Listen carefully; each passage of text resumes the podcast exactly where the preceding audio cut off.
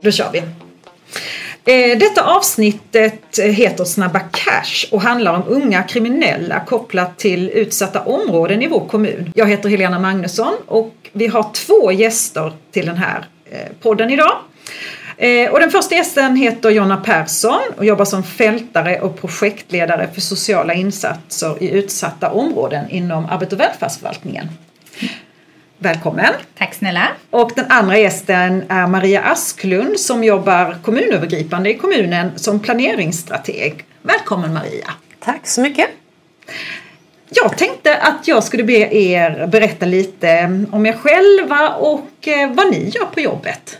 Skulle du vilja börja Jonna? Jag jobbar ju då med en delad tjänst eh, som fältare och som projektledare eh, på sociala insatser i utsatta områden som det här projektet heter. Och det är ett projekt som eh, riktar sig till våra utsatta områden här i Kristianstad, Gamlegården och Charlottensborg. Och vårt mål och uppdrag är ju att förhindra och få färre barn att rekryteras in och drabbas av kriminalitet. Så vår målgrupp är ju barn och familjer och boende på dessa områdena. Men vi har även fått specialisera oss på, när det gäller myndighetsutövningen, eh, till årskurs 5 till årskurs 9 för att gå in och jobba eh, tidigare och mer mm. förebyggande. Jag ska släppa in dig Maria. Mm. berätta lite om, eh, om ditt uppdrag? Jag jobbar ju på kommunledningskontoret med, med social hållbarhet. Så mitt uppdrag är väldigt mycket att samordna och leda olika processer och jag har fått trygghet på mitt bord på den senaste tiden. Eh, så mycket fokus har varit att jobba med trygghetsfrågan kopplat till utsatta områden, eh, Eh, till social oro och sociala risker och så vidare. Så jag jobbar väldigt mycket med statistik och lägesbilder och gör underlag som man kan utgå från när man, när man gör olika prioriteringar i sina verksamheter och så. Eh, och bland annat har vi jobbat då tillsammans med Malmö och Lunds universitet där vi har tagit fram ett index för livsvillkor. Eh, det indexet har vi då placerat på en karta så att vi kan se hur fördelningen ser ut över kommunens geografiska områden. Om det finns några skillnader eller likheter mellan, mellan olika områden. Tänker man eh, som livsvillkor, hur kan man förklara Ja, eh, livsvillkor det handlar ju mycket om vad du har för förutsättningar i livet. Vilket arbete du har, utbildning, inkomst, eh, vilka familjeförhållanden mm. och om du bor i ett segregerat område eller inte. Så. så vi har tittat på, jag tror att det är sex olika variabler. handlat om arbetslöshet och utbildning, trångboddhet, eh, om man bor segregerat och så vidare. Så att det har vi vävt ihop i ett index mm. och då har man liksom kunnat se var på skalan mm. Eh, ett område befinner sig. Mm. Och det, sen har vi också kopplat ihop det tillsammans med ett annat underlag. Eh, också en, på en karta där man mer visar hur tryggheten ser ut i kommunen men också koncentration av brott och andra händelser. Mm. Och där kan man ju då se en korrelation mellan ett område som har ganska utsatta livsvillkor och där upplever också de boende ganska stor otrygghet. Så det, det finns väldigt mycket sån statistik som är eh, rolig säger jag då för att jag tycker det är lite kul men som är också väldigt användbart i arbetet. Ja, vi ska återkomma till det tänker jag, hur man eh, använder sig av de här underlagen som eh, du beskriver. Men mm. jag vill knyta an till eh, liksom rubriken för det här avsnittet, Snabba Cash. Handlar det om det? Eh, ja men det skulle jag nog ändå vilja säga att en, en del av det handlar faktiskt om, om det här att eh, jag tycker att man kan se eh, alltså synen bland ungdomar på just de här snabba pengarna. Att det, det förekommer i musiken, det förekommer i pratet mellan ungdomarna, att eh, man vill ha pengar, man vill ha de här snabba pengarna, och man är ganska nyfiken på den delen. Du Maria, när du hörde det? Ja men eh, absolut. Jag har ju inte samma eh, ingång som Jonna har så det, mm. tänker det, blir, det blir bra eh, kombo här. Jag ser ju mer kopplingen till utsatta områden och vilka risker som finns på området. Vi har ju väldigt många sociala riskfaktorer på området. Det kan ju vara eh, att det är segregerat område, att det är olika livsvillkor och så vidare och som mm. skapar många sociala risker. Eh, och det gör ju kanske att om man växer upp i ett sådant område så löper man större risk att bli en del av liksom, den kriminella världen mm. så att säga. Mm. Så att eh, jag ser absolut en koppling till det. Men sen är det också viktigt att säga att alla som lever i ett utsatt område inte blir kriminella såklart. Nej. Du kom lite in på det som var min nästa fråga. vad, vad är ett utsatt område och vem eh, definierar det? Ja, alltså det är ju polisen eh, som från början har gjort definitionen över utsatt område. Eh, I Kristianstad kommun så har vi Charlottesborg och Gamlegården. Och det är ju ett, ett, ja, men det är ett område, geografiskt avgränsat område som präglas av en kriminalitet, eh, låg socioekonomisk standard eh, och, och, just där de kriminella har liksom en påverkan på samhället som också kan leda till en en eh, rädsla och en tysthetskultur eh, och man kanske utövar påtryckningar Eh, hot och trakasserier, öppen narkotikahandling, det kanske är offentliga, eller vad ska man säga, ja, offentliga våldshandlingar eh, som skadar liksom andra som bor på området men som inte egentligen är med i någon slags eh, dispyt eller sådär. Men finns det, finns det kommuner i Sverige som har haft eh, den här polisens definition på utsatta områden som inte har kvar definitionen, som har lyckats att eh, liksom arbeta sig eh, bort från det och vad har de i så fall gjort? Jo men det gör det. Eh, jag tror att Göteborg bland annat mm. är en kommun som har blivit av med områden. Det finns ju väldigt många kommuner som är i framkant skulle jag vilja säga. Mm. Men jag skulle också vilja faktiskt lyfta fram Kristianstads kommun. Mm. För att vi är riktigt bra på vårt arbete och jag skulle nog ändå vilja säga att vi har lyckats ganska så väl med Charlottesborg. Mm.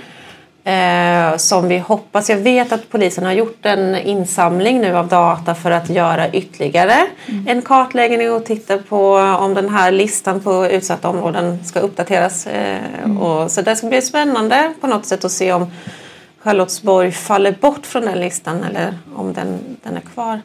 Vad är det som har varit framgångsrikt eh, eh kopplat till arbetet på Charlottesborg? Alltså vi håller på att göra en utvärdering just nu faktiskt. Ja. Eh, just över metoden på Skällan. Eh, för mm. den har varit väldigt framgångsrik och det, vi har sett en stor förändring eh, på bara några år. Att det har varit väldigt, väldigt otryggt där innan och väldigt så stor problematik. Men det har ju blivit väldigt mycket bättre nu.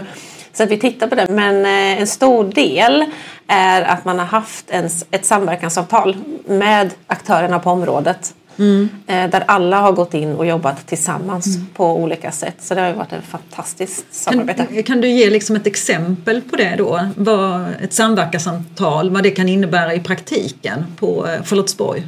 Ja, jag vet inte, det kanske du kan bättre Jonna? Eh, nej men jag tänker framförallt så handlar det om nära kontaktvägar. Alltså dels att man gör insatser tillsammans för området. Eh, vi har ju Aktiv Sommar där ute som är ett exempel på där HSB och fritidsgården och kyrkan har varit involverad och kommunen och det är räddningstjänst som går samman. Liksom. Vad är Aktiv Sommar? Måste du mm, bara det, förklara. Ja men precis. Det är ett, ett eh, dagsläger där de på förmiddagen jobbar och utför arbetsuppgifter åt HSB. Lite mm. lättare trädgårdsskötsel, plocka skräp, eh, man lagar mat ihop och sen på eftermiddagen så håller fritidsgården då i eh, aktiviteter. Mm. Det kan vara allt från klättring eller fotboll på området och och på de här Aktiv Sommar då så eh, har man även en familjedag som, som dessa då årskurs 7 tillsammans med sina feriearbetare som är deras gruppledare. Och det är ju ungdomar från gymnasiet då som har fått det som sitt sommarjobb. Eh, där de anordnar, man gör saker på området. Det tror jag har varit mycket eh, det positiva. Den här metoden som kallas SSPF som står för skola, socialtjänst, polis och fritid. fritid. Eh, det handlar ju också, har jag förstått, om att korta de här samarbetsvägarna, att det ska vara enkelt och vi ska samarbeta på ett mycket snabbare sätt. Ja men precis. Det är ju ett förebyggande arbete eh, där man jobbar mellan de här olika aktörerna på tre olika nivåer. Mm. Först en allmän nivå där man eh, jobbar mycket utifrån lägesbilder. Hur ser det ut just i dessa bostadsområden, dessa skolområdena, vad är det som händer? Man träffas varannan vecka eh, för att hålla sig uppdaterad och samtidigt om man behöver hjälp av någon av de andra samverkansaktörerna att, att det ska ske snabbt mm. och inte två månader senare utan i, i det aktuella. Och sen så jobbar man också på gruppnivå. Om det är någon ungdomsgrupp som kanske ställer till det på ett område. Då sammankallar man eh, de här ungdomarnas föräldrar och, och pratar liksom om problematiken och hur de också kan vara en hjälp i detta att få stopp på den här ungdomsgruppen och vad, vad alla aktörer också kan eh, se men också vad de kan erbjuda och, och stötta de här föräldrarna. Den tredje är då på individnivå och det är ju när någon av de olika samverkansaktörerna i SSPF har eh, ja, men fått en oro för en, för en eh, ungdom eller eh, detta är ju från, framförallt från 12 år, men att, eh, men att man kan även jobba i lägre åldrar. Mm. Eh, men 12 till 20 år är liksom eh, det vanligaste. Och där man då jobbar med att, med att erbjuda familjen ja, men stöd och mm. där man jobbar utifrån sekretessmedgivande så att man mm. tillsammans med de här olika aktörerna kan jobba och hjälpa och stötta familjen med mm. att deras barn ska bli så bra som möjligt för mm. barnet. Mm. Det är så intressant att sitta här med er två för du Jonna beskriver ju väldigt mycket eh, den här SSPF-modellen där man kan liksom sammankalla aktörer, föräldrar, man kan lyfta oro. Och när du berättade Maria om ditt arbete i början så pratade du om eh, statistik, samarbete med Malmö och Lunds universitet. Ehm, och där ni tar fram eh, underlag. Kan du inte berätta lite om det Maria, hur det hjälper kommunen kopplat till Eh, problematiken kring unga kriminella och utsatta områden.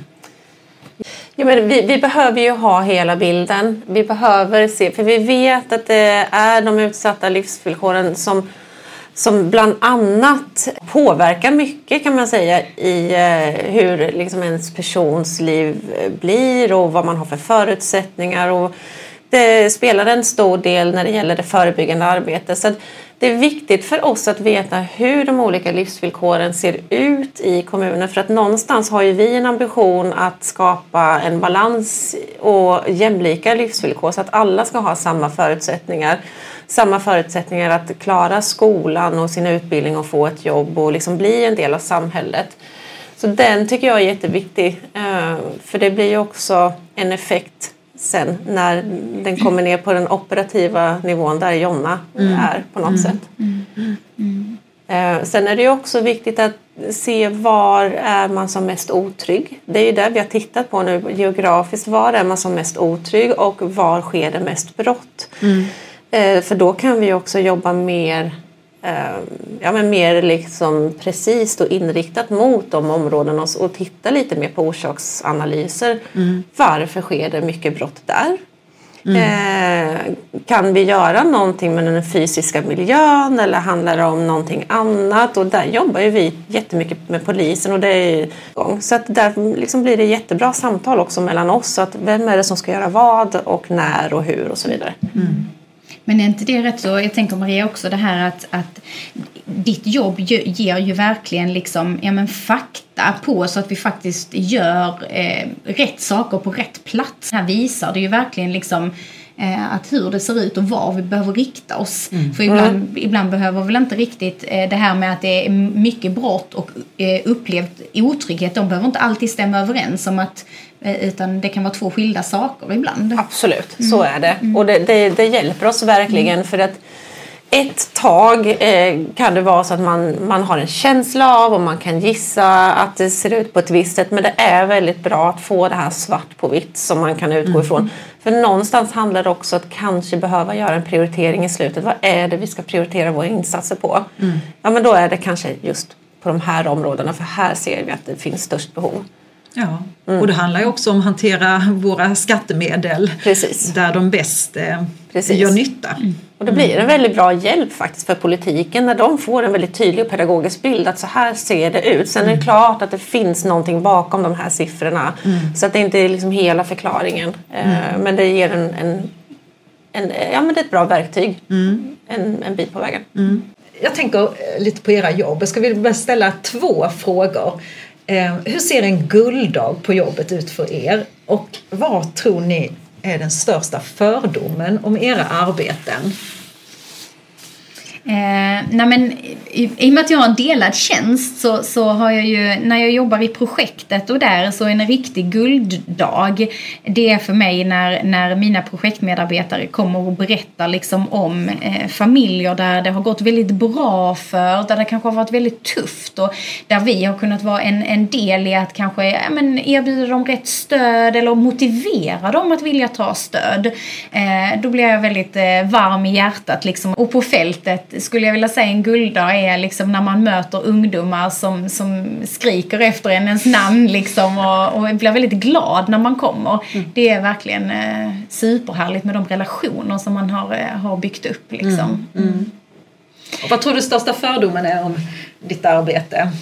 Alltså min, min, den största fördomen tror jag är just att eh, ja, men jag jobbar ju mycket ute i våra utsatta områden och, och jag tror så, så eh, har man en bild av att det är eh, jätteotryggt. Det är, eh, jag får ofta frågan liksom, hur vågar du vara på dessa områden? Är du inte rädd att du ska bli skjuten? Eller är det inte jättemånga kriminella som eh, inte är snälla och så?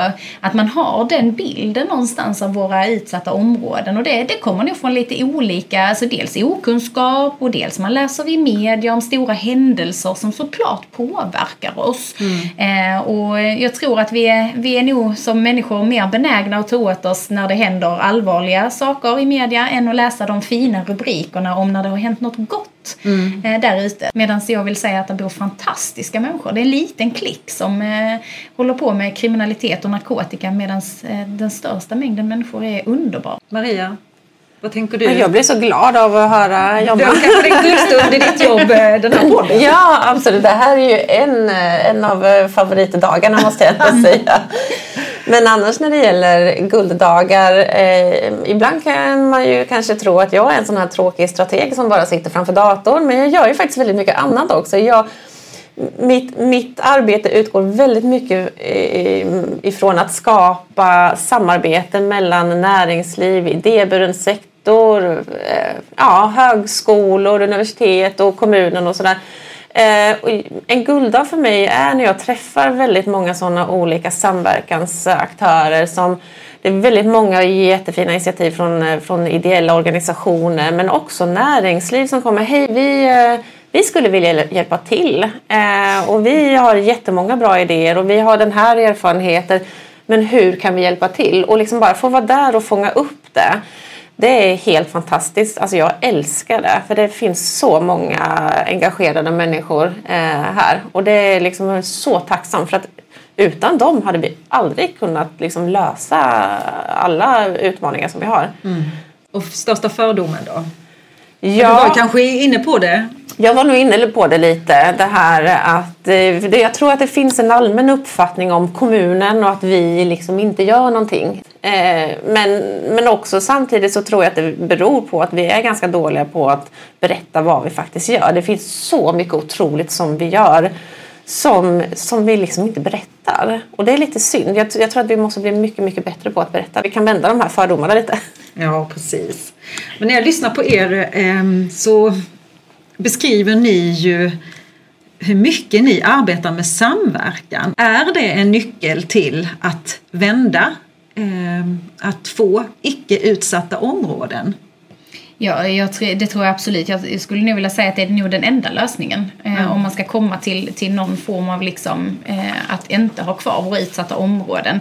Vi måste jobba tillsammans eh, och vi måste göra det på riktigt. Att man verkligen liksom involverar familjerna i mm. det. Eh, en grej som vi har jobbat mycket med i, i projektet då riktat till de här familjerna det är att när en ungdom har blivit aktuell eh, mm. på socialtjänsten så, så sammankallar man till ett samverkansmöte med de aktörer som finns runt barnen. Det är skolan, det kan vara polisen, det kan vara fritidsgården, fältare socialsekreterare, familjen givetvis, föräldrar och ungdom. Och och pratar tillsammans. Jag tror att det är egentligen både internt och externt mm. eh, så är det, är det att samarbeta och jobba tillsammans. Så nu blickar du lite inåt då mot arbete och välfärdsförvaltningen här då, att, att um, samverka på riktigt här också som en um, framgångsfaktor. Ja men verkligen och även inte bara tänka varje enskild eh, del på arbete och välfärd utan tänka helheten. Har mm. vi familjer som är aktuella på ekonomiskt bistånd då ska det vara en självklarhet att de ska sitta med vården. Att vi jobbar så att inte de behöver ha 17 kontakter i samma förvaltning. Mm. Eh, eller att det, utan att vi, vi verkligen jobbar tillsammans i de här ärendena. Tack så hemskt mycket för att ni ville komma hit idag och vara med på den här eh, podden. Tack, Tack för att vi fick komma. Ja. ja. Tack så mycket.